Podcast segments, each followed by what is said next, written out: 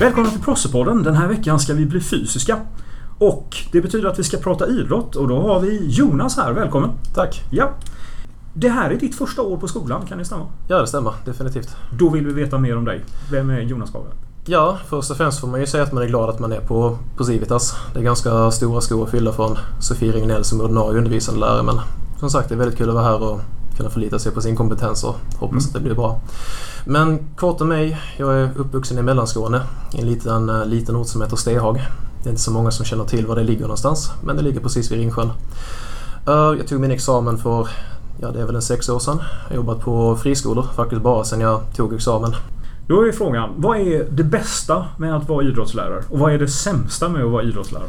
Det bästa är nog att det är ganska så glädjebetonat ämne. Man ser på många elever att de eh, trivs med det och att de verkligen kan glänsa i det. Så det tycker jag är jättekul att se att man kan bidra med rätt så mycket glädje. Jag tycker väl också att idrott och hälsa behövs på ett bra sätt med med tanke på att det är ganska stillasittande vardag för många. På Civitas är dock bra på det sättet. Det är många som har eh, extra idrotter och är väldigt fysiskt aktiva. Så man märker inte av det lika mycket. Mm. Det sämsta, det vet jag faktiskt inte vad som är. Det kanske är just med lite vissa små administrativa saker som kan vara. Det kan vara att eleverna vet om att de ska kanske gå till en viss person när det kommer till frånvaro men ändå kommer med en lapp ifrån mamma eller pappa. Mm. Då måste man förklara för 210 gången att nej, det är inte jag som tar emot det utan det är en annan som administrerar de bitarna. Ja. Så det kanske är bara lite grann med att det kan bli lite repetitivt emellanåt. Ja. Men mm. det är som det är, det får man ta. Varje elev är unik men de är väldigt många. Precis, Precis. så är det. Mm. Man tittar på idrottsämnet där för jag tror ju när du kanske pratar med föräldrar och så så blir en del fortfarande överraskade över att det är så mycket teori. Ja. ja att det inte bara är bänkstolar och uh, vad det, armhävningar. Ja, precis, mm. precis. Men hur känner du det här med att, uh, hur teorin i idrottsämnet funkar ihop med praktiken? Jag försöker balansera det så bra som jag kan. Jag brukar ju säga att det är ungefär 80% praktik och 20% teori. Uh, sen det teoretiska ska egentligen bara vara i relation till träning och till livsstil. Tycker mm. jag är det mesta. Så är det som så att vi har vissa träningsformer, till exempel om vi kör aerob konditionsträning. Då ska de också ändå kunna ha en liten grund i det teoretiska. Så försöka väva in det så mycket i det praktiska som möjligt. Mm. Men uh, Sen så är det det jag försöker att undvika att det blir för textbaserat. Jag försöker ha det lite mer som att det verkligen är upplevelsebetonat i själva den fysiska biten. Mm. Det måste jag fråga, jag var nyfiken på. Hur trendigt är det här ämnet? För man tänker kanske matte eller någonting annat. Där finns här, här A2 plus B2 är lika med C2. Men du måste ju ta ställning till kanske nya idrotter, extremidrottare och parkour. Och det kommer nya hälsotrender på, i betydligt högre hastighet än det gör kanske i matten. Så att, hur mycket måste man anpassa sig som idrottslärare i dagsläget? Det mesta är väl att försöka undvika flavor of the month. Att mm. det är veckans fluga eller så också. Men jag upplever kanske inte som att aktiviteten i sig är så um, utsatta för just den biten. Det kanske snarare handlar om hälsotrender. Mm. Att man får frågor om GI-metoden, man får frågor om hälsokost och man får frågor om uh, kosttillskott och så också ju. Och det gäller väl att försöka balansera ut det på ett så sunt sätt som möjligt ju. Ja. Och undvika att hamna i det här att man uh, hamnar i flavor of the month utan försöka ha det som är mer beprövat kanske. Mm. Men aktiviteten i sig är väl kanske inte så förändligt. Uh, senaste vågen som man tycker har blivit kanske lite mer är ju till exempel parkour som du var inne på. Men det är också bara positivt. Det enda man måste komma ihåg är att eleverna kanske inte har så mycket förkunskaper. Och att man då tänker att jo men man kanske får hålla tillbaka dem lite grann också när de är ute på lite hal is. Mm. Uh, fråga, är du teknikintresserad? Inte så mycket kanske faktiskt. Jag, jag bara frågar för att med tanke på hur stor del utav eh, man tänker en normal elevs liv här som touchar det som är eh, vare sig det är nätet eller mobiltelefoner. Mm. Har du något tips på fungerande? För det finns ju mängder med man säger appar eller sidor där man faktiskt kan utnyttja det som är det här nya digitala även i eh, idrott och hälsa. Det är en bra fråga för just den här nya, det kanske inte ens är en fluga kan jag inte säga att det är för appar är ju faktiskt här för att stanna. Yeah. I och med att det är så himla lätt men använt och användarvänligt. Men jag tycker appar kan vara väldigt bra. Uh, som till exempel knäkontroll. Uh, den typen av träningsappar som faktiskt ger praktiska exempel. Mm. Uh, jag kanske inte tycker det är så himla relevant med att man har uh, löpappar för det finns ungefär 10 000 stycken. Mm.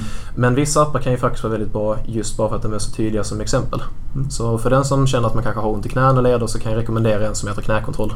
Yeah. Uh, när det kommer till kost och så, så är det väl lite samma sak igen. Det, det kan vara svårt att förlita sig helt på en run-app eller på en food-app eller så också ju. Så jag, jag, tar det lite grann med en nypa salt.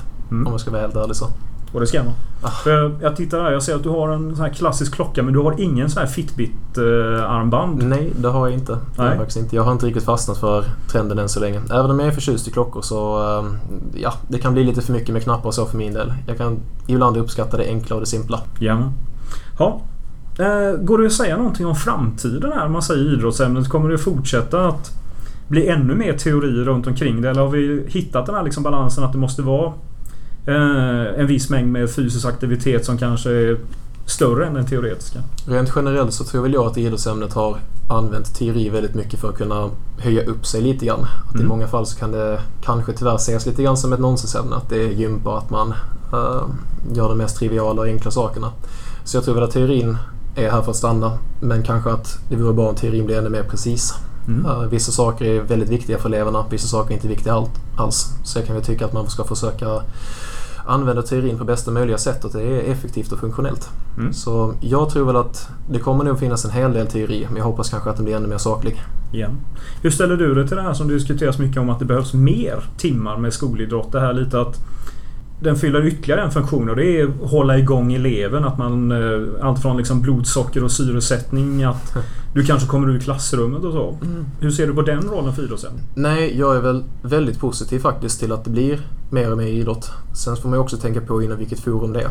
Och på Civitas har vi faktiskt den lyxen att, som jag sa innan, att det är väldigt många elever som ändå är aktiva utanför sin, eh, sin skolgång. Mm. Och inte bara har idrott och hälsa som sin enda sysselsättning när det kommer till det fysiska.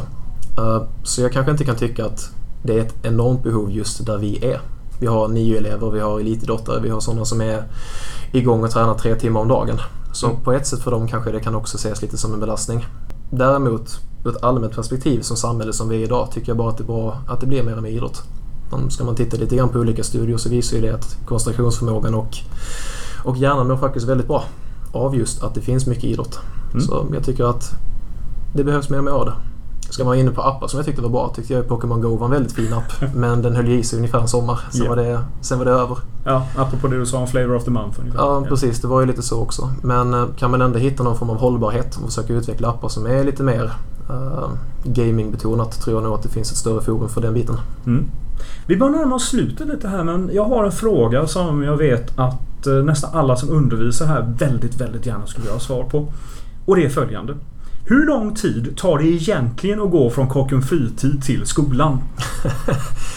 Jag tror man gör det på sex minuter. Sex Om du minuter. powerwalkar lite. Powerwalka lite och powerwalka mycket. Så om alla hörde det som lyssnar på det här. Sex minuter är det som gäller. Sex minuter och ingenting annat. Ja, Precis. men då vet vi det. Tack så mycket Jonas för att du var med. Tack själv.